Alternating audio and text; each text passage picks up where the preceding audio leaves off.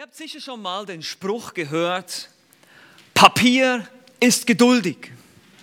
Oder auch, der redet viel, wenn der Tag lang ist. Nun, es geht darum aufzuzeigen, dass oft sehr viel versprochen wird, aber eigentlich dann letztendlich nichts davon oder nicht viel davon eingehalten wird. Große Rede, nichts dahinter.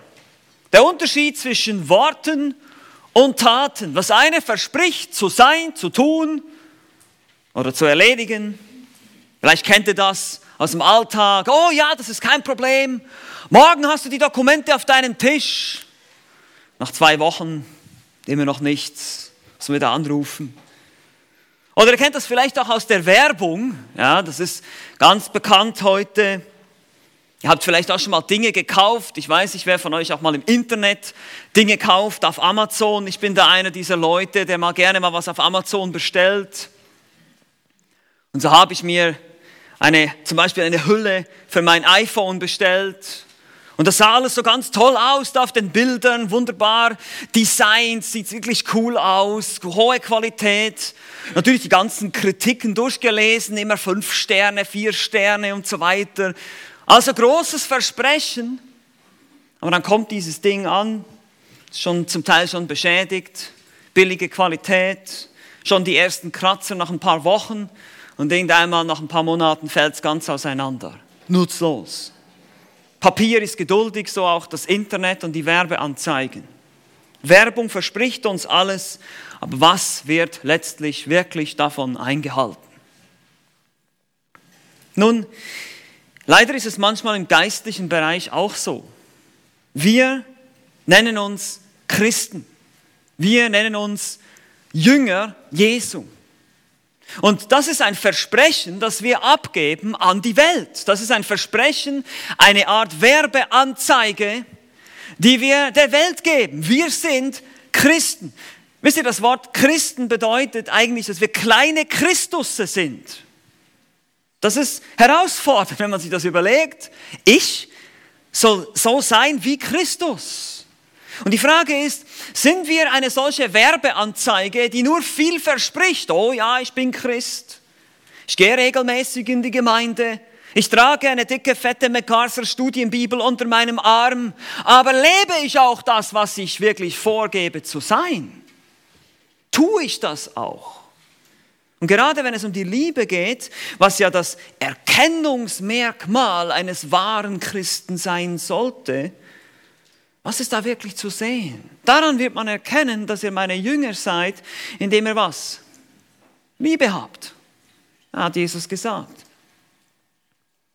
Oder ist es eben nur große Rede, nichts dahinter? Reden wir ständig von der Liebe Christi, predigen wir die Liebe Christi, aber leben wir sie auch? Das ist die große Frage und deshalb beschäftigen wir uns so intensiv damit und uns wirklich Gedanken zu machen. Und letztlich, wenn ich so handle, wenn ich sage, ich bin wirklich Christ und ich lebe nicht in der Liebe, dann bin ich einfach nur aufgeblasen. Dann bin ich einfach nur stolz, weil ich gebe etwas vor, was ich nicht bin. Eine große Darstellung, großes Versprechen, aber was wird letztlich geliefert? Und das soll natürlich nicht so sein unter uns Gläubigen und deshalb wollen wir uns beschäftigen mit dem Thema Liebe und was das genau bedeutet. Wir müssen verstehen, dass die Christen in Korinth genau so waren.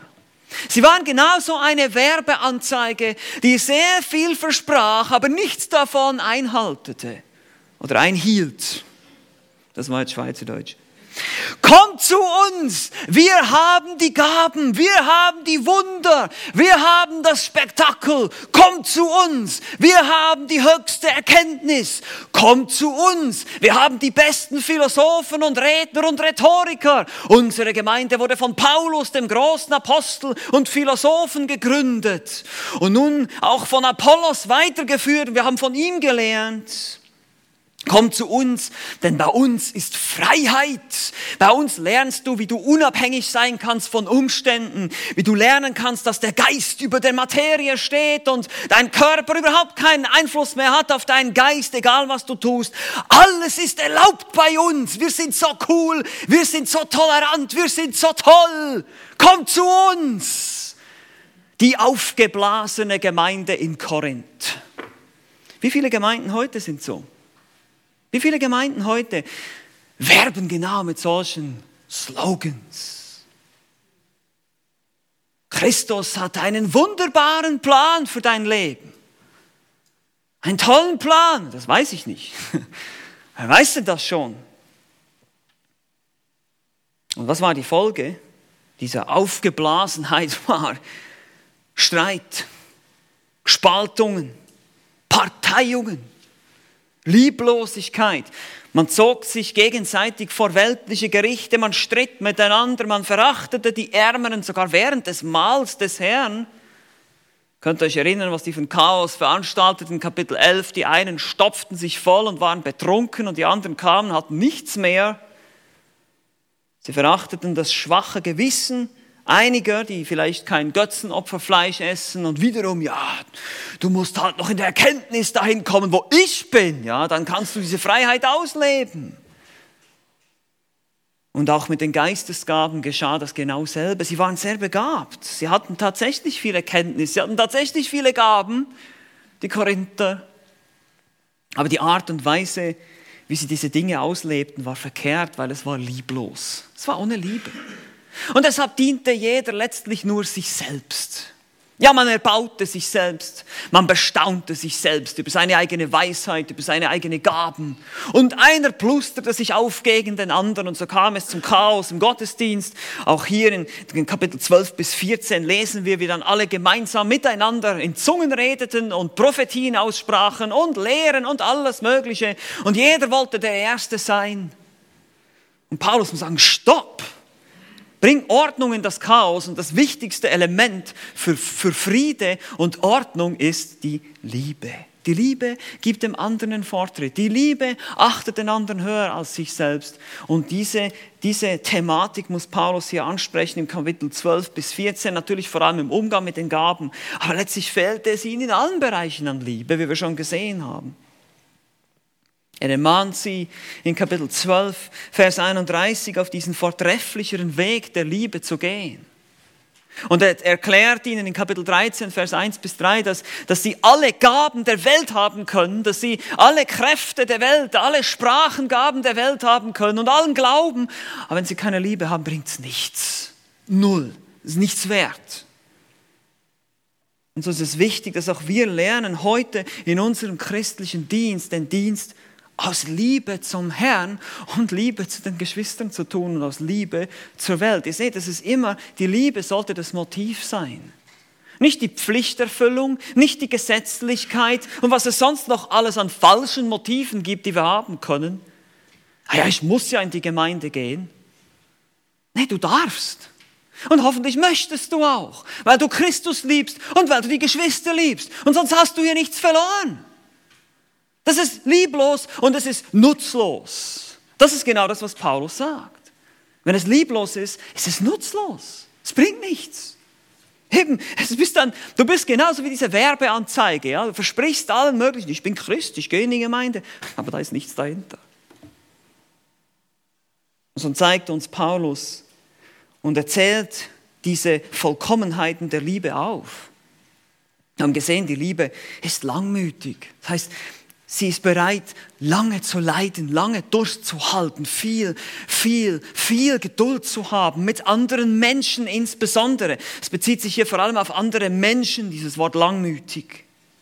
Und sie ist natürlich auch gütig, das heißt freundlich, zuvorkommend.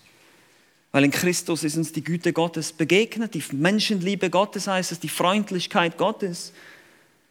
Die Liebe neidet daher nicht. Wir haben das angeschaut. Es ging um Eifersucht. Wir beneiden einander nicht. Oh, die Korinther haben sich gegenseitig beneidet um ihre Gaben.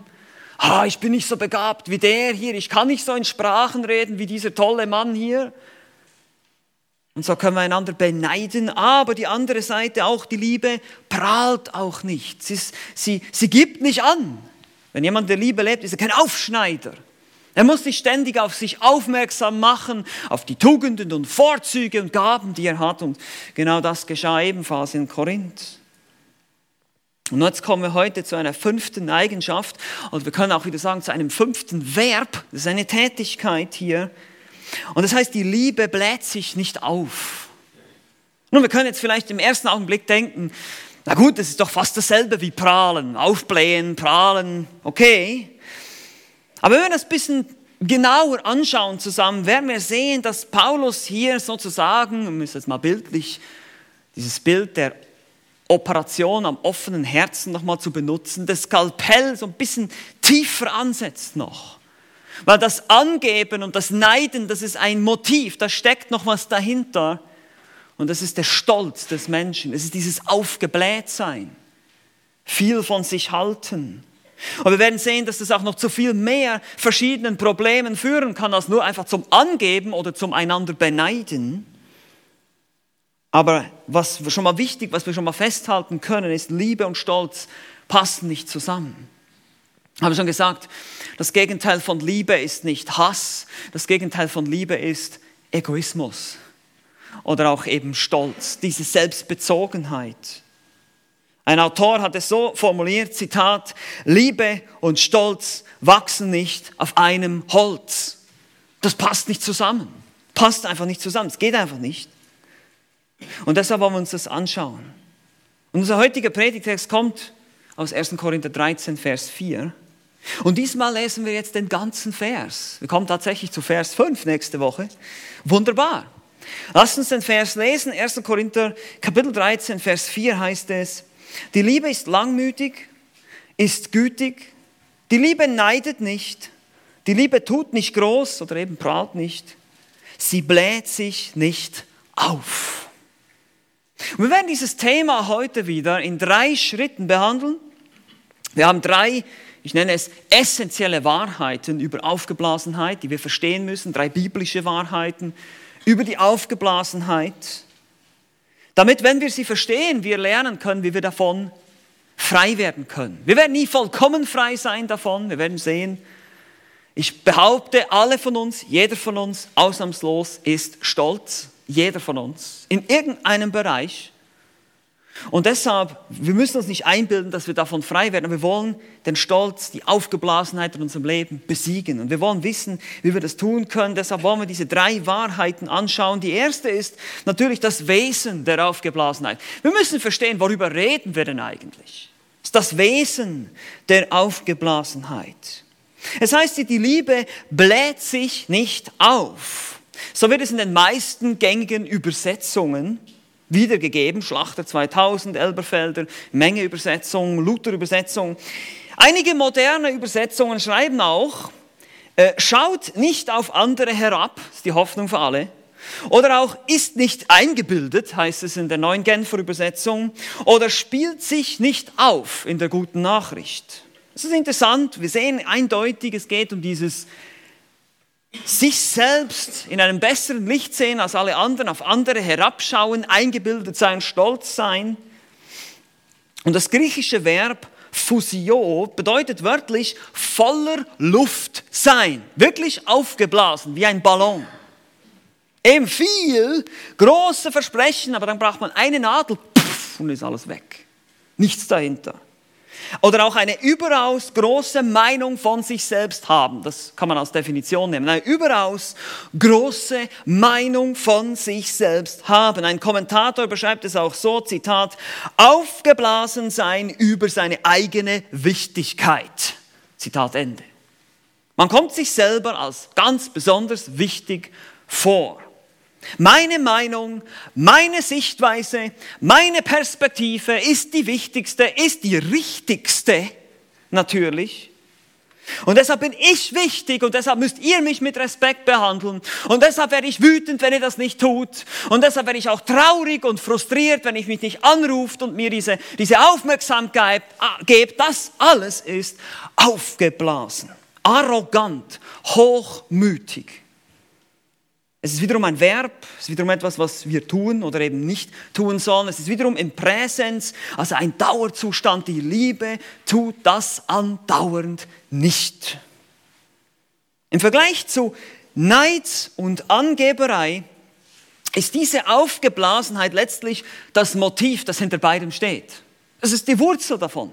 Ich bin aufgeblasen, ich habe eine übergroße Meinung von mir selbst und deshalb gebe ich an oder beneide andere um das, was Sie haben, was ich gerne haben möchte.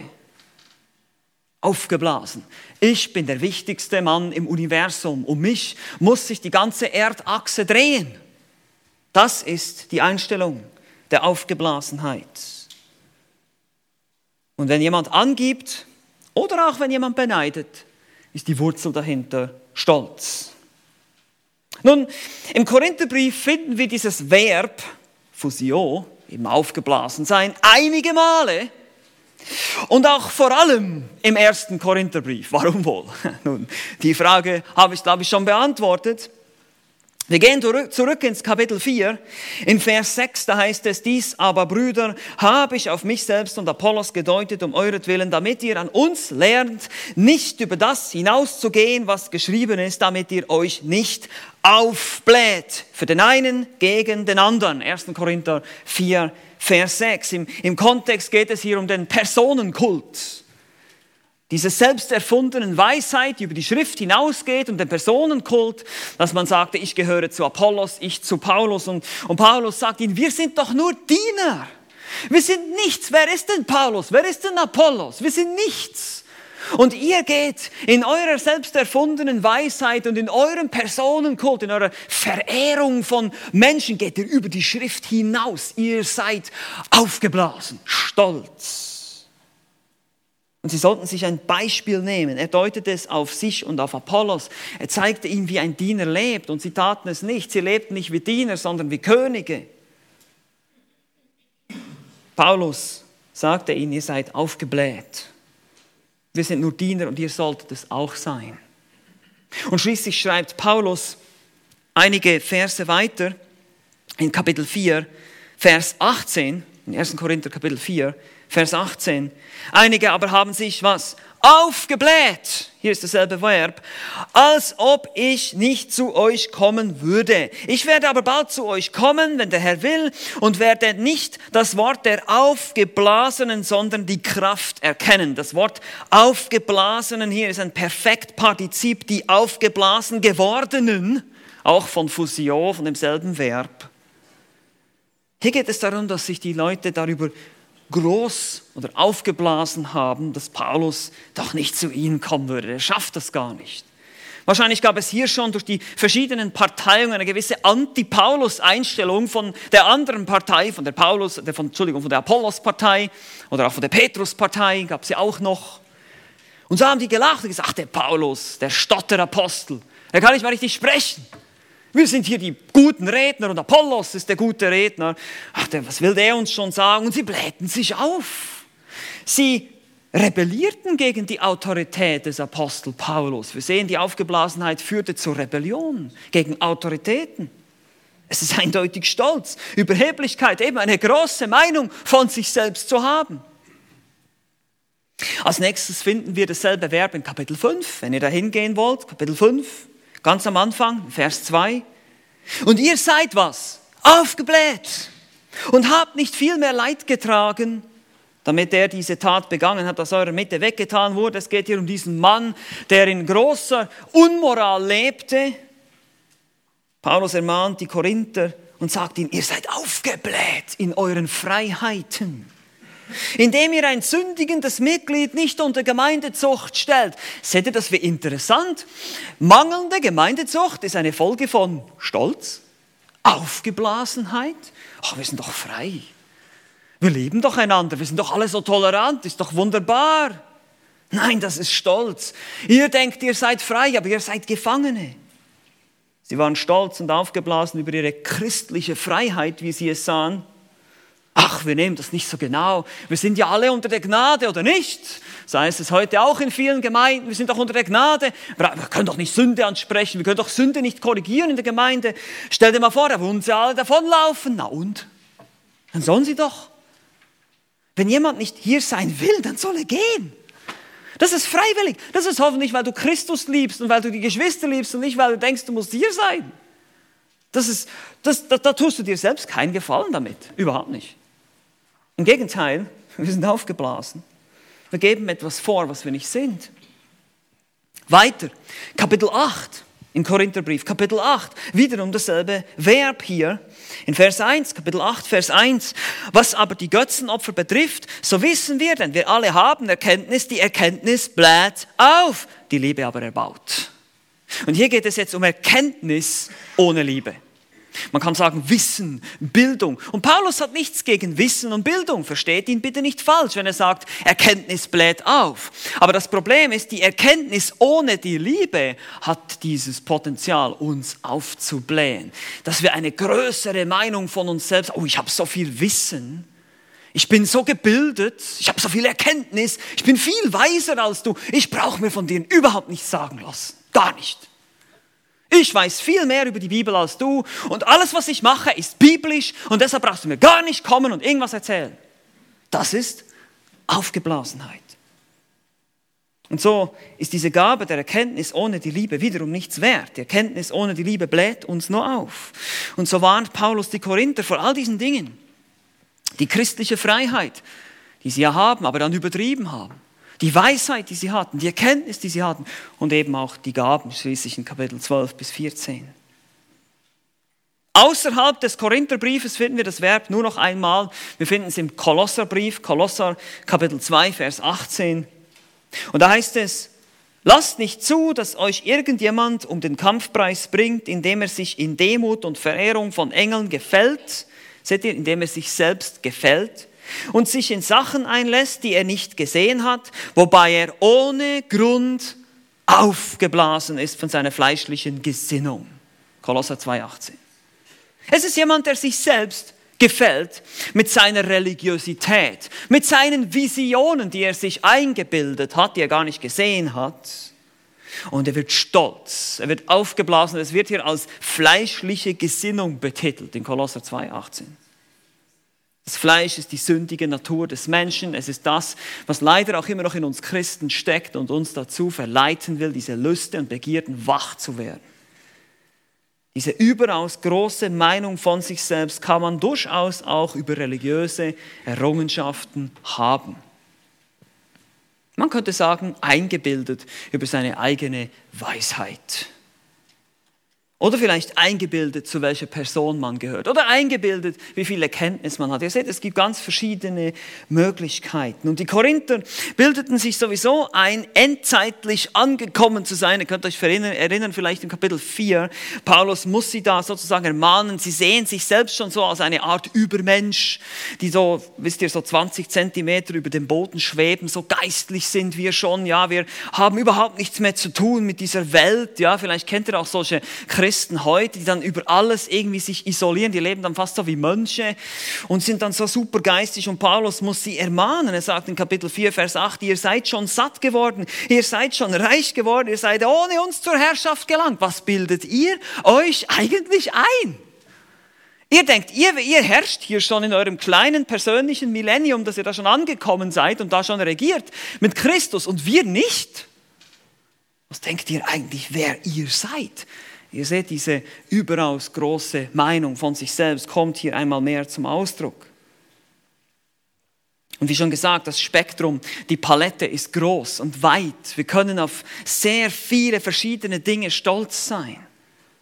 Man kann aufgeblasen und stolz sein über, über Besitztümer, über Macht, über Reichtum, Aussehen oder eben auch Frömmigkeit. Und das Schlimme ist, wir müssen eben nicht mal damit angeben, oder andere beneiden, um stolz zu sein. Das kann ein Ausfluss sein, eine Konsequenz davon. Der stolze Mensch denkt von sich selbst als Schöpfer und nicht als Geschöpf. Er setzt sich auf den Thron. So hat das ganze Elend angefangen im Garten Eden. Ihr werdet sein wie Gott, hat der Teufel der Eva versprochen. In 1. Mose 3, Vers 5. Und so setzt sich der Mensch und so setze ich mich auf den Thron, wenn ich stolz bin und ich will regieren und ich will der Beste sein und ich will der Schnellste sein und ich will derjenige sein, der alles weiß, alles kennt und sich nicht sagen lassen muss. Mehr Herrlichkeit, mehr Ehre für mich, für mich selbst. Aufgeblasenheit ist Selbstvergötterung. Ich mache mich selbst zu Gott. Es ist eine Haltung, die man hat, eine Einstellung, eine Haltung der Überlegenheit über andere. Aber eben wie die Werbung in Amazon oder auch auf anderen Plattformen. Ich will jetzt hier keine Negativwerbung machen für Amazon, okay? Ähm, aber einfach diese Werbung, die viel verspricht, aber nichts dahinter ist. Mr. Wichtig, nur nichts richtig. Der Mensch bläht sich auf mit seinem Wissen, seiner Technologie, seinem Geld, seinem Reichtum. Wir können das beobachten in der heutigen Gesellschaft wie niemals zuvor, weil wir so viele Bildmedien haben, so viele Internetseiten und Blogs und Zeitungen und alles Mögliche. Wir werden ständig mit diesem Stolz konfrontiert. Der Mensch zeigt, was er kann, was er ist, welche Fähigkeiten hat, welche Besitztümer er hat und, und, und und er ist stolz und aufgeblasen, aber letztlich ist nichts dahinter. Weil der Mensch ist nur ein Geschöpf. Er ist Staub und Asche. Was sind wir denn schon? heißt es im Psalm 8. Wer sind wir denn schon? Aber dazu kommen wir noch. Das ist das Wesen. Ich hoffe, wir haben das jetzt verstanden, worum es geht, was das Wesen dieser Aufgeblasenheit ist. Jetzt wollen wir zweitens die Konsequenzen anschauen. Die Konsequenzen der Aufgeblasenheit. Das ist die zweite wichtige, essentielle Wahrheit, die wir verstehen müssen. Manchmal ist es hilfreich, erstmal zu schauen, was hat das für Konsequenzen? Oder auch so ein bisschen für dich und mich jetzt zur Selbstprüfung. Wenn du dich vielleicht fragst, bin ich wirklich ein stolzer Mensch? Bin ich wirklich so stolz? Dann lass uns mal diese verschiedenen Konsequenzen jetzt durchgehen und anschauen, ob du und ich, ob wir in eine oder mehrere dieser Kategorien fallen. Und es ist natürlich wichtig zu verstehen, dass es hier jetzt nicht darum geht, den anderen zu schauen und denken, ah ja, das trifft auf den zu, ja, ja, der ist schon. Nein, es geht darum, dass ich den Spiegel vor mich setze und sage, ich will mich selbst prüfen. Wo, wo kämpfe ich? Und wie schon gesagt, macht, macht euch nichts vor, ihr alle, wir alle kämpfen alle mit dem Problem des Stolzes. Und wir müssen uns selber prüfen. Aber vielleicht gibt es bestimmte Bereiche, wo du sagst, da muss ich dran arbeiten. Da möchte ich mehr dran arbeiten. Wir werden gleich im dritten Punkt noch darauf kommen, wie wir das dann tun können, wie wir uns von dem Stolz befreien können oder zumindest einen Teil daraus hinauswachsen dürfen durch die Gnade Gottes. Aber lass uns einmal anschauen, was, was hat die Konsequenz, was sind die Konsequenzen, wie erkenne ich mich selbst als Stolz? Wo sehe ich bei mir Stolz? Erstens, jetzt hör gut zu. Erstens, Unbelehrbarkeit. Unbelehrbarkeit. Viele der Korinther lehnten sich gegen die Autorität des Apostels Paulus auf. Das haben wir gesehen. Sie waren aufgeblasen in Erkenntnis, Weisheit und sie ließen sich nicht belehren. Und später sehen wir dann, dass sie Buße tun, also sie ließen sich dann belehren, aber bis zu dem Zeitpunkt hier waren sie aufgeblasen. Es führte zu Ungehorsam und mangelnder Unterordnung. Rechthaberei. Musst du immer bei allem Recht haben? In Diskussionen, Gesprächen und so weiter, dann bist du aufgeblasen. Dann bist du nicht belehrbar. Kannst du Kritik annehmen? Bist du kritikfähig? Wenn jemand auf dich zukommt und dir etwas sagt, kannst du das annehmen? Oder machen immer alle anderen alles falsch, bloß ich nicht? Dann bist du aufgeblasen. Muss ich in jeder Diskussion, in jedem Konflikt immer recht haben? Ist meine Perspektive immer die richtige? Ist meine Sichtweise immer korrekt? Dann bist du aufgeblasen. Dann bist du aufgeblasen, hast überhaupt nichts verstanden. So sagt es Paulus. Tut mir leid. Das ist so. Nicht ich sage das, das Wort Gottes sagt das. Ihr seid aufgeblasen. Zweitens, ganz interessant, Irrlehrer. Stichwort Irrlehrer. Wenn jemand eine überaus große Meinung von sich selbst hat, und ich spreche jetzt hier natürlich im Kontext von Christen, von Gläubigen, dann können wir sehr schnell zu Irrlehrern werden. Haben wir uns das schon mal überlegt? Und die Korinther gingen in ihrem Denken über die Schrift hinaus, lesen wir in Kapitel 4, Vers 6. Wer sich nichts sagen lässt, endet als Irrlehrer, als Sektierer vielleicht sogar. Unbelehrbare Menschen werden oft sehr gefährlich, auch in der Gemeinde. Wenn sie sich auf geistliche Lehren ausweitet, wenn diese Rechthaberei sich vielleicht erstmal auf dein Spezialgebiet oder auf deinen Beruf beschränkt, aber irgendwann mal weitet sich das aus, auch auf geistliche Bereiche, dass du dir auch, wenn es um die Bibel geht und die Lehre der Schrift, überhaupt nichts mehr sagen lässt und deinen Weg gehst und dein Christsein lebst, so wie du dir das vorstellst, dann bist du ein Sektierer geworden, ein Irrlehrer. Wir müssen belehrbar bleiben.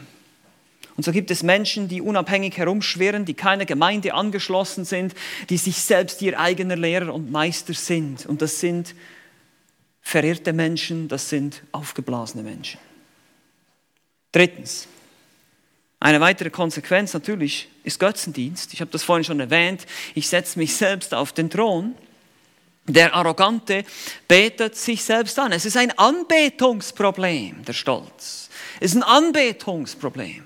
Was oder wen betest du an? Und in dem Moment, wo ich stolz bin, bete ich mich selbst an. Weil meine Sicht, meine Erkenntnis, meine Perspektive ist die wichtigste und die richtigste. Du denkst, dass du selber Gott bist und alles weißt. Du weißt alles besser als alle anderen und das ist letztlich Götzendienst. Und der Götze bist du und du selbst. Prüfe dich auch hier. Dreht sich alles in deinem Leben immer nur um dich selbst? Vielleicht um dein Ansehen oder um deine Ehre oder um deine Ideen, die jeder gut finden muss. Und wenn jemand anderes kommt, der deine Ideen nicht gut findet, bist du dann gleich wütend? Das ist Götzendienst. Aufgeblasen. Eine überaus große Meinung von sich selbst haben. Viertens, eine weitere interessante Konsequenz. Oh, ich habe noch einige hier. Das äh, ist wirklich erstaunlich. Leichtsinn. Leichtsinn. Aufgeblasenheit führt ja zu Selbstüberschätzung, eben diese übergroße Meinung von mir selbst, ich bin mir selber sicher und deshalb sagt Paulus in 1. Korinther 10, Vers 12, wer zu stehen meint, sehe zu, dass er nicht falle. Wer zu stehen meint, Vorsicht, wer nicht, weil die Korinther waren eben auch so selbstsicher, ja, wir sind ja so gesegnet mit, wir haben so viel Erkenntnis und so viel Weisheit und deshalb kann uns nichts und niemand etwas anhaben. Sprüche 16, Vers 18, Stolz kommt vor dem Zusammenbruch. Stolz kommt vor dem Zusammenbruch. Einmal mehr. Lässt du dich warnen von anderen? Bist du bereit, Ermahnung anzunehmen, wenn du konfrontiert wirst? Oder bist du leichtsinnig? Musst du dich ständig rechtfertigen oder denkst du, ich bin stark, mir wird das nicht passieren. Alle anderen fallen in diese Sünde. Ich auf keinen Fall. Ja, klar, logisch. Das haben schon viele gesagt. Wer da meint zu stehen, sehe zu, dass er nicht falle.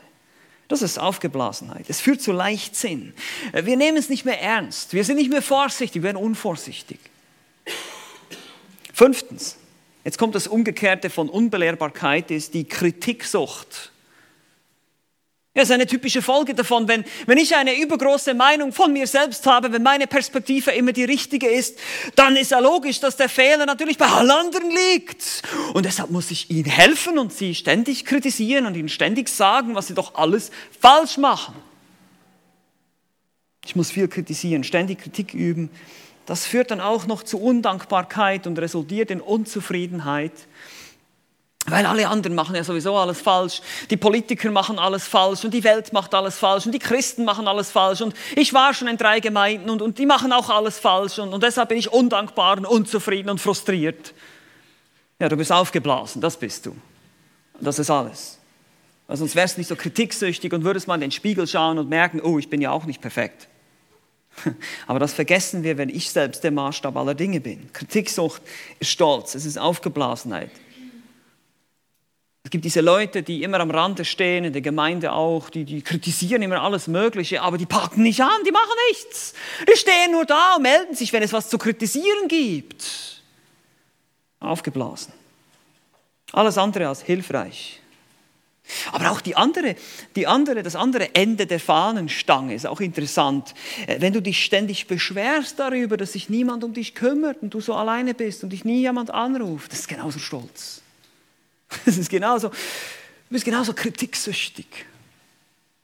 Wir müssen vorsichtig sein. Es gibt immer so diese zwei Enden. Ja? Die eine ist diese Aufgeblasenheit in Form von Stolz und übermäßig. Aber ich bin mir auch, ich, ich denke auch, ich bin so wichtig, dass jeder sich um mich kümmern muss. Anstatt dass ich selber mal aufstehe und vielleicht etwas beitrage zum Wohl der anderen. Sechstens, natürlich eine ganz klare Folge davon, Streit. Sehen wir in Korinth, Ganz deutlich, Zerstrittenheit, Spaltungen, Parteiungen sehen wir auch hier. Die Gemeinde in Korinth war zerstritten und gespalten, weil sie aufgeblasen war. Wenn du, wenn ich, wenn wir eine überaus große Meinung von uns selbst haben, dann ist es nicht möglich, in Frieden mit uns zu leben. dann ist, dann ist kein Frieden. Weil jedes Mal, wenn jemand eine andere Meinung hat als ich, ist Krieg. Kriegsansage. Das geht nicht.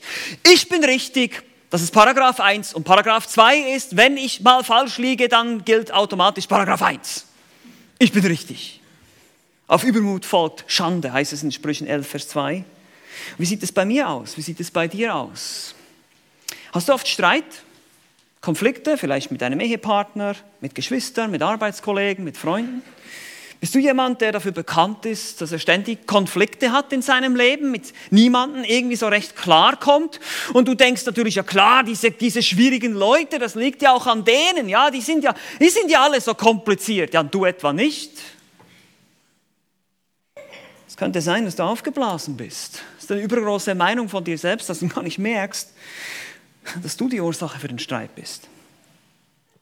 Und deshalb ist es wichtig, dass wir sehen, Streit und Konflikte, wenn das öfters vorkommt, ich sage nicht, wir alle haben mal einen Streit, wir alle haben mal solche, das ist ja klar, aber wenn, ich rede davon, wenn das so ein Muster wird in deinem Leben, wenn du merkst, ich habe ständig Konflikte mit anderen, prüfe dich.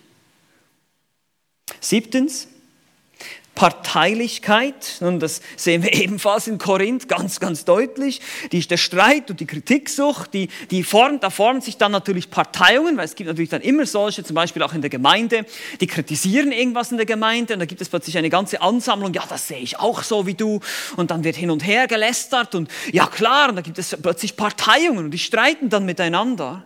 Spaltungen und Zwietracht sind das Resultat von stolzer Selbstüberschätzung. Oder eben auch der Personenkult, wie wir in Korinth sehen. Und ein Aufgeblasener, das ist auch interessant, der will auch immer eine Gefolgschaft haben. Der möchte, dass Leute genau das tun, was er tut. Alles genauso machen, wie er es will. Genau seine Vorstellungen übernehmen. Und das ist natürlich alles biblisch. Ich kann das alles begründen, ist ja klar. Aber durch Übermut entsteht nur Streit, heißt es in Sprüche 13, 10. Der Aufgeblasene will eine Gefolgschaft, er will Jünger hinter sich abziehen. Stell dir die Frage, bist du parteiisch? Hast du vielleicht zum Beispiel deine, deine Lieblingsleute in der Gemeinde, mit denen du nur Umgang hast und niemand anderes? Oder bist du neidisch, wenn andere beliebter sind, wenn sie eben dann eine, eine Gefolgschaft haben und du nicht? Kann es sein, dass du da aufgeblasen bist? Du bist ärgerlich, wenn andere gewisse Dinge im Leben anders ausleben als du. Nun, ich spreche hier natürlich nicht von biblischen Geboten, ich spreche hier von vielen Dingen, in denen wir wirklich Freiheit haben.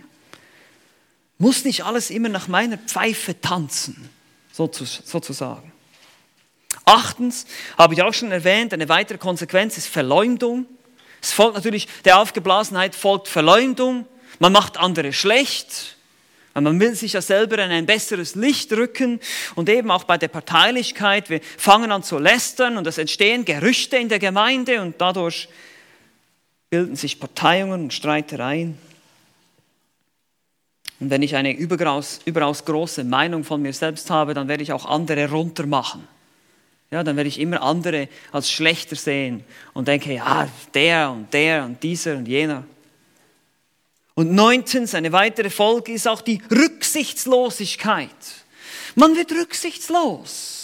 Und auch das kann sich wiederum auf ganz verschiedene Art und Weisen zeigen in deinem oder in meinem Leben. Man wird vielleicht hart und gefühllos, hat, hat überhaupt kein Mitleid oder kein Verständnis für, für Menschen, die vielleicht weniger begabt sind als du, die vielleicht weniger schnell vorankommen als du oder solche Dinge.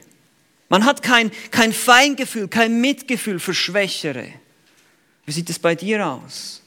Hast du Verständnis für Menschen, die weniger, vielleicht auch weniger gebildet sind als du, weniger Wissen haben als du?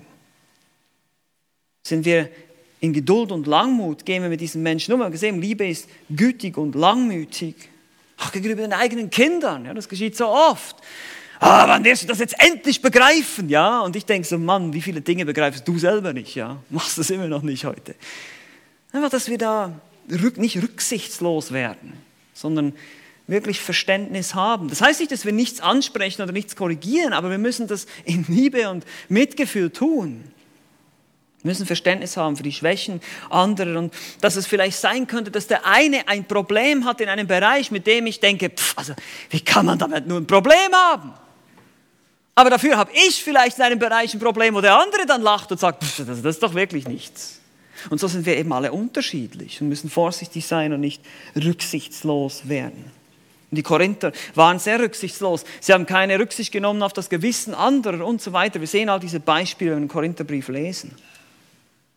Die Rücksichtslosigkeit kommt aber dann auch mit einer gewissen, Nummer 10, Gleichgültigkeit. Gleichgültige Menschen sind stolze Menschen. Wenn du gleichgültig bist, das heißt, dich interessiert nichts und niemand. Das ist einfach egal. Ich brauche niemanden, ich bin zufrieden so wie ich bin, ich muss mich nicht um andere kümmern, andere müssen sich auch nicht um mich kümmern. Kommst du vielleicht dafür ganz geistlich vor, ja, ich bin eben nicht so abhängig wie andere. Diese Gleichgültigkeit ist eine gewisse Form von Aufgeblasenheit, ich brauche niemanden. Wieder die Selbstgenügsamkeit, ich bin Gott. Ich kann alles selber machen, ich kann alles selber lösen, ich brauche keine Hilfe. Oder eben auch, dass andere dir letztlich egal sind und du dich nicht um andere kümmerst, das ist genauso Stolz. Auch hier die Gleichgültigkeit ist eine Folge von unserer Aufgeblasenheit. Und schließlich Nummer 11, was wir in Korinth auch ganz deutlich sehen, ist Unmoral. Unmoral. Und man kann einfach sagen, Sünde generell. Das ist ein interessanter Punkt. Die, der arrogante Mensch, der isoliert sich. Eben wie gesagt, ich brauche keinen, ich brauche niemanden, ich bin unabhängig. Und er verliert den Schutz der Gemeinde und fällt in Sünde. Sprüche 18, Vers 1, wer sich absondert, der sucht, was ihn gelüstet und wehrt sich gegen alles, was heilsam ist. Die Leute, die sich isolieren, zeigen einfach nur, wie aufgeblasen das sie sind. Sie denken, sie brauchen die Gemeinschaft nicht. Sie denken, sie brauchen die Hilfe der Geschwister nicht. Sie haben es nicht nötig, aber sie werden in Sünde fallen. Sie sind stolz und aufgeblasen. Und so waren es die Korinther auch. Sie haben die Entsetzlichkeit ihrer eigenen Sünde gar nicht mehr gesehen. Brett vor dem Kopf. Oh, wir sind so frei, wir sind so tolerant, so toll. Dabei lebten sie in tiefster Sünde, aufgeblasen. Sie hatten keine Furcht vor dem Herrn. Sie hatten keine Furcht vor der Sünde. Sie nahmen das Ganze nicht mehr ernst, ganz locker, easy peasy, cool. So kann das nicht gehen. Wie sieht es bei dir aus? Nimmst du die Sünde auch locker im Leben? Weil du denkst, du weißt es besser? Oder weil du denkst, ich schaffe das schon? Ja? Ich will den Spruch jetzt nicht sagen, wir schaffen das, aber es geht in eine ähnliche Richtung. Ich schaffe das schon, ich mache das schon, ich kriege das hin. Vertrauen in dich selbst, Aufgeblasenheit, Stolz, Unbelehrbarkeit, wie die Korinther damals. Nun stellt sich natürlich die Frage, wir alle erkennen uns vielleicht jetzt ein bisschen im Spiegel und merken, okay, was machen wir jetzt dagegen? Weil ich, ich will das ja nicht. Ich hoffe, du auch nicht. Keiner von uns möchte das. Obwohl wir das auch tun und ob wir sicherlich mal in diese eine oder andere Sünde fallen, unbelehrbar sind, äh, Kritiksucht üben und merken, ich kritisiere zu viel, ich muss vorsichtig sein, ich nörgle nur noch rum äh, an meinem Ehemann oder was auch immer. Einfach, dass wir vorsichtig sind und überlegen, okay, was kann ich, was kann ich dagegen tun? Was kann ich dagegen unternehmen? Und das ist unser Punkt Nummer drei heute Morgen. Das Gegenmittel gegen die Aufgeblasenheit. Das Gegenmittel. Die dritte essentielle biblische Wahrheit. Wir haben das Wesen betrachtet, wir haben jetzt die schlimmen Konsequenzen angeschaut und wir müssen uns Zeit nehmen, die Konsequenzen zu betrachten, dass wir sehen, wie schlimm diese Sünde ist, weil das sind diese Sünden, die wir tolerieren manchmal. Ja, Stolz, ist ja jeder mal stolz, ist ja nicht so schlimm. Doch es ist sehr schlimm. Es ist Götzendienst, es ist Selbstvergötterung, es ist Rebellion gegen Gott, es ist sehr, sehr schlimm. Und deshalb müssen wir was dagegen tun. Und was ist das Gegenmittel? Das Gegenmittel in einem Wort, Demut. Demut. Das Gegenmittel gegen Aufgeblasenheit, gegen Stolz ist Demut. Aber die Frage ist natürlich jetzt, was ist, was ist wahre Demut? Und dazu eine kleine Geschichte. William Carey, einer der bekanntesten Missionare, war ein genialer Linguist, sprachlich begabt, übersetzte Teile der Bibel insgesamt 34 verschiedene Sprachen, also wirklich ein Genie. Er wuchs aber in einem ganz einfachen Zuhause in England auf, arbeitete als Schuster, Schuhmacher. In Indien wurde er deshalb auch oft wegen seiner niedrigen Herkunft ausgelacht, seinem niedrigen Job, den er hatte oder den er einst einmal hatte. Und so kam es einmal, wird die Geschichte erzählt, dass in einer Dinnerparty einer dieser Snobs ihn angesprochen hat und gesagt, Mr. Carey, ich habe doch gehört, Sie waren doch mal Schuhmacher. Worauf William Carey sagte, nein, ich war kein Schuhmacher, ich habe die Schuhe nur repariert. Demut ist das Gegenteil von Aufgeblasenheit und Stolz. Es ist das Gegenteil von einer überaus großen Meinung von sich selbst zu haben. Es ist eine kleine oder keine, keine große Meinung von sich selbst zu haben. Sich selber sehr kritisch und sehr argwöhnisch gegenüberzustehen, seinem eigenen Herz nicht zu vertrauen, seine eigene Perspektive ständig zu hinterfragen, das ist Demut. Demut hält sich herunter zu den Geringen, heißt es in Römer 12, Vers 16. Johannes der Täufer ist ein weiteres Beispiel dafür. Als er begann zu predigen, äh, war er zunächst, hat er die, sozusagen die Massen gehabt, dann kam Jesus äh, auf, auf das Podest so, sozusagen und predigte und plötzlich liefen die Leute alle zu ihm und die Jünger des Johannes wurden neidisch und kommen zu ihm, sagen in Johannes 3,26, siehe, der tauft und jedermann kommt zu ihm. Johannes, pass auf, Jesus wird dich überschatten, der überholt dich, der hat mehr Erfolg als du. Worauf Johannes sagt, was sagt er? Er muss wachsen, ich muss abnehmen, ich muss weg, ich, ich bin nicht wichtig. Es geht um ihn, es geht um Christus. Das war der ganze Zweck, warum ich gekommen bin. Und so sollte jeder Prediger immer auf Christus hinweisen, nicht auf sich selbst. Wayne Mack beschreibt in einem Buch über Demut die Demut folgendermaßen, Zitat, Demut ist eine Einstellung, die unsere eigene Bedeutungslosigkeit und Wertlosigkeit vor Gott anerkennt und ihm die höchste Ehre, Lob, Vorrecht, Recht, Privilegien, Anbetung, Hingabe, Autorität, Unterordnung und Gehorsam beimisst, die er allein verdient. Zitat Ende. Es ist einfach diese Einstellung, diese eigene Bedeutungslosigkeit zu verstehen und alles dem Herrn zuzuschreiben die Privilegien, die Vorrechte, die Ehre, die Herrlichkeit. Eine demütige Person versteht, dass sie Staub und Asche ist. Das ist mal der Punkt. Wir verstehen, dass wir Geschöpfe sind, nicht Schöpfer. Wir verstehen, dass wir abhängig sind, nicht unabhängig. Wir verstehen, dass wir begrenzt sind, nicht unbegrenzt. Und wir verstehen, dass wir sündig sind und nicht sündlos. Wir sind begrenzt, wir sind limitiert in unserer Erkenntnis, in unserer Wahrnehmung, in unserem Verstand. Wir sind überall begrenzt und limitiert. Gott dagegen unbegrenzt, unlimitiert, unendliche Weisheit. Wer bist du? Wer bin ich? Dass ich eine solche Meinung von mir haben sollte. Eine Person, die wahrhaft demütig ist, versteht, dass der Grund für ihre Existenz kein Selbstzweck ist. Ich bin nicht hier, um mir selbst zu dienen. Ich bin hier, um Gott und anderen zu dienen. Es ist die Einstellung eines Dieners. Und hier sind wir wieder im Korintherbrief, wie Paulus den Korinthern deutlich machen will, dass er und Apollos und die anderen nur Diener sind. Wir sind nur Gefäße aus Erde, aus Staub. Wir wurden nur benutzt von Gott, damit ihr zum Glauben kommt. Und genauso seid ihr nur Gefäße aus Staub. Wir hinterfragen Gott nicht, wir kritisieren Gott nicht, wir glauben und vertrauen auf seine vollkommene Gerechtigkeit und Liebe, auf Gottes Wort. Die einzige Weisheit, die ich habe, ist Gottes Wort. Es gibt nichts sonst. Es gibt nichts. Wir haben nur die Schrift und die Schrift reicht. Seht ihr, wie stolz und wie arrogant das eigentlich ist, dass wir sagen, wir brauchen noch Psychologie zusätzlich zur Seelsorge? Das ist Arroganz. Wir denken, wir glauben Gott nicht, dass er uns alles gesagt hat, was es zu sagen gibt. Wir glauben ihm nicht, dass er die Weisheit hat, dass wir menschliche Weisheit brauchen, um unsere seelischen Probleme zu lösen. Das ist einfach nur Stolz. Wir denken, wir wissen alles besser und doch wissen wir gar nichts. Und das ist Demut. Das ist, wenn du das verstehst. Und da muss man sich hinsetzen und länger darüber nachdenken. Denke über deine Vergänglichkeit nach. Denke über deine Begrenztheit nach. Dein Horizont ist sehr klein. Der ist sehr winzig. Wir wissen nicht so viel. Wir können in einer Lebenszeit, in einer Lebensspanne nur so und so viel lernen. Gottes Wissen ist unendlich, weil er schon von Ewigkeit zu Ewigkeit existiert. Glaubst du nicht, dass er es besser weiß? Aber das Problem mit der Demut ist eben auch noch folgende, und die folgende Geschichte illustriert das. Es gab einmal eine Gemeinde, Und in dieser Gemeinde wollten sie den demütigsten Mann oder die demütigste Frau auszeichnen. Und so bekam der demütigste Mann in der Gemeinde eine Stecknadel um ihn zu kennzeichnen. Du bist der demütigste Mann.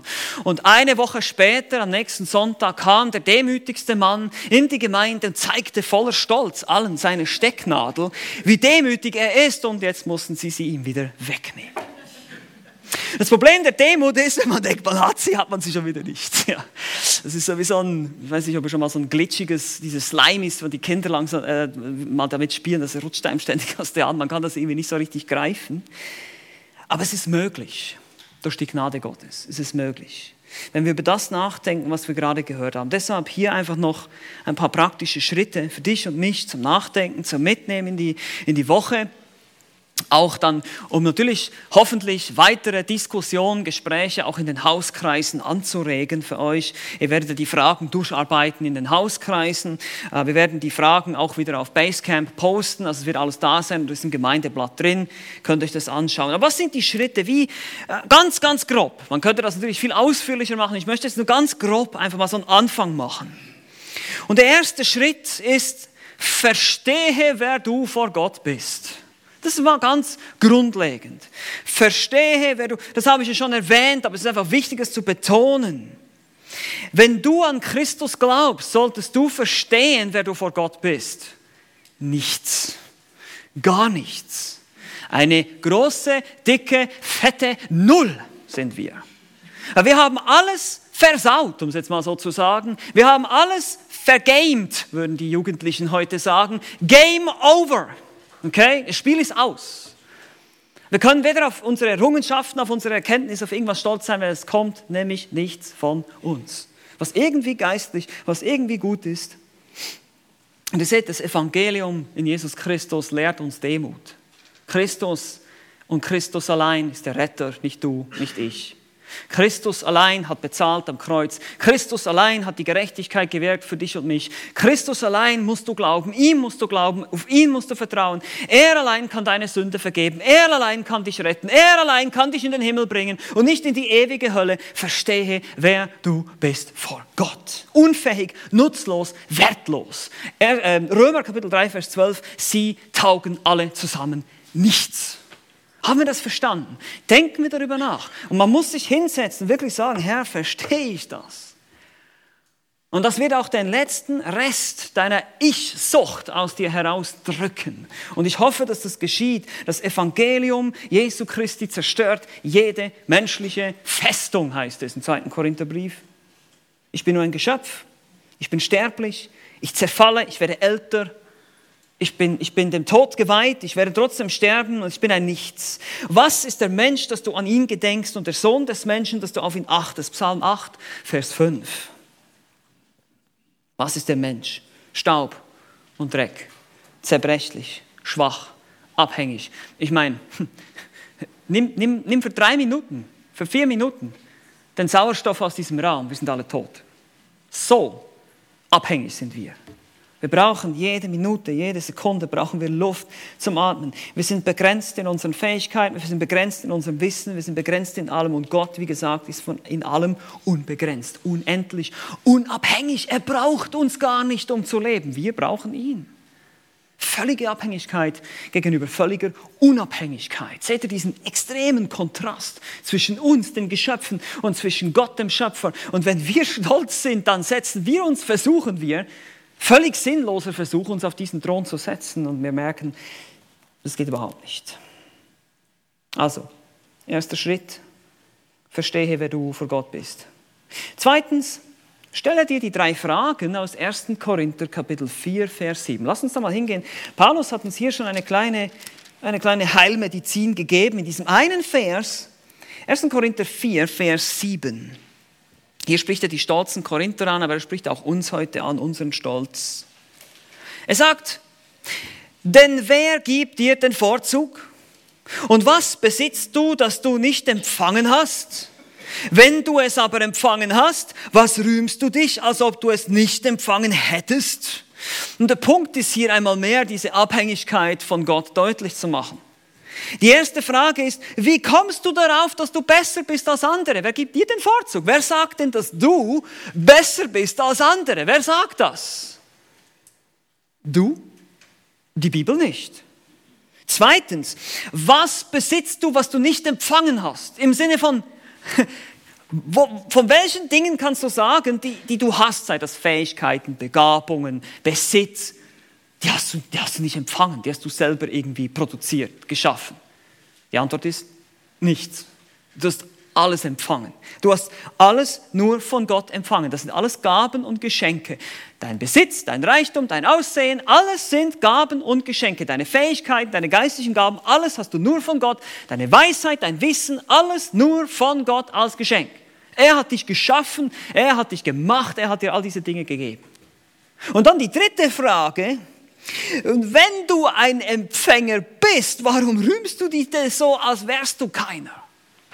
Was spielst du dich hier auf, als hättest du diese Dinge nicht alle nur empfangen, als wärst du nur jemand, der die hohle Hand gemacht hat, wie so ein Bettler und alle diese Dinge einfach bekommen hat von Gott? Warum? Stell dir diese drei Fragen. Jeden Tag. Hm. Wer gibt mir den Vorzug? Warum bin ich, ich bin nicht wichtig? Habe ich nicht alles empfangen von Gott? Und ich will mich nicht aufspielen, als hätte ich irgendwas nicht empfangen von Gott, was ich brauche. Drittens, dritter Schritt jetzt, nutze Lernmomente richtig aus. Es gibt immer Lernmomente. Gott hat so seine Art, wie er uns demütigt. Vielleicht schickt er dir jemanden über den Weg, der begabter ist als du, der mehr Wissen hat als du, wo du vielleicht mal so richtig blöd dastehst. Das sind Lernmomente. Das ist gut für uns. Das hilft uns. Nutze diese Lernmomente aus. Sehe sie als eine Lernlektion und merke, oh. Oder du, du bläst irgendwas raus, wie aus der Trompete, und plötzlich kommt jemand und widerlegt dich und du musst sagen, oh, Aubacke. Lernmoment. Demut. Ja, ist okay. Okay, du hast recht, stimmt, das war falsch. Einfach diese, diese, die, einfach diese Demut zu haben, zu sagen, okay, ich bin nur ein Geschöpf, ich bin limitiert, ich bin abhängig, ich habe nicht alles Wissen. Stimmt, das recht, das habe ich übersehen. Tatsächlich. Das hilft uns, diese Lernmomente zu nutzen, richtig zu reagieren, wenn Gott uns in diese Situation bringt. Vielleicht lässt er dir etwas misslingen. Vielleicht äh, lässt er dir sogar in Sünde fallen und wir stehen wieder auf und merken, was wir für Sünder sind. Dazu, das benutzt er manchmal auch. Und viertens, erlerne den richtigen Umgang mit Erkenntnis und Wissen. Wir sind nicht allwissend. Wir haben nicht ausgelernt. Das ist wichtig. Das ist eine wichtige Einstellung, die wir alle haben müssen. Wir müssen uns bewusst sein, auch wenn wir viel Wissen haben und das ist schön. Wie gesagt, Paulus hat nichts gegen Wissen und Bildung und schon gar nicht gegen biblische Erkenntnis. Es ist wunderbar, wenn du Verse auswendig kennst, wenn du viel Wissen hast. Es ist sogar unser Ziel hier als Älteste, dass ihr eines Tages noch viel mehr wisst als wir. Das ist wunderbar. Paulus sagt es auch. Ich wünsche mir, dass ihr alle in Sprachen redet, dass ihr alle prophetisch redet, dass ihr alle Erkenntnis habt. Ich wünsche mir das das ist wunderbar, da gibt es nichts dagegen, aber es muss in Liebe geschehen. Und deshalb lerne den richtigen Umgang mit diesen Dingen, mit der, vor allem mit der Erkenntnis. Wir wollen nicht andere verachten und überheblich sein, sondern wir wollen diese, diese Weisheit, diese Erkenntnis, die wir haben, zum Nutzen anderer einsetzen, in Demut, in Geduld. Und wenn ich das jetzt zum fünften Mal erklären muss, ist okay. Ich erkläre es auch zum siebten Mal. Das ist Demut, weil ich bin hier nicht wichtig, es geht hier nicht um meine Vorstellungen, es geht darum, dass ich in ein Werkzeug in Gottes Hand sein möchte. Demut zu lernen und das einfach als Ermutigung für uns ist ein lebenslanger Prozess. Es ist nicht etwas, was du jemals abschließen wirst, und Gott wird uns viele Demutslektionen auch geben unterwegs, eben diese Lernmomente, wo wir wieder mal merken, ich bin nur ein Geschöpf, ich bin schwach, ich kann es nicht. Und was daraus resultiert ist, du wirst viel mehr ins Gebet gehen, du wirst viel mehr wieder sein Wort lesen und dich auf seine Weisheit stützen und nicht auf deine eigene. Das ist wahre Demut. Lasst uns dafür beten, dass der Herr uns hilft dabei, das zu lernen. Amen. Amen. Lasst uns noch beten.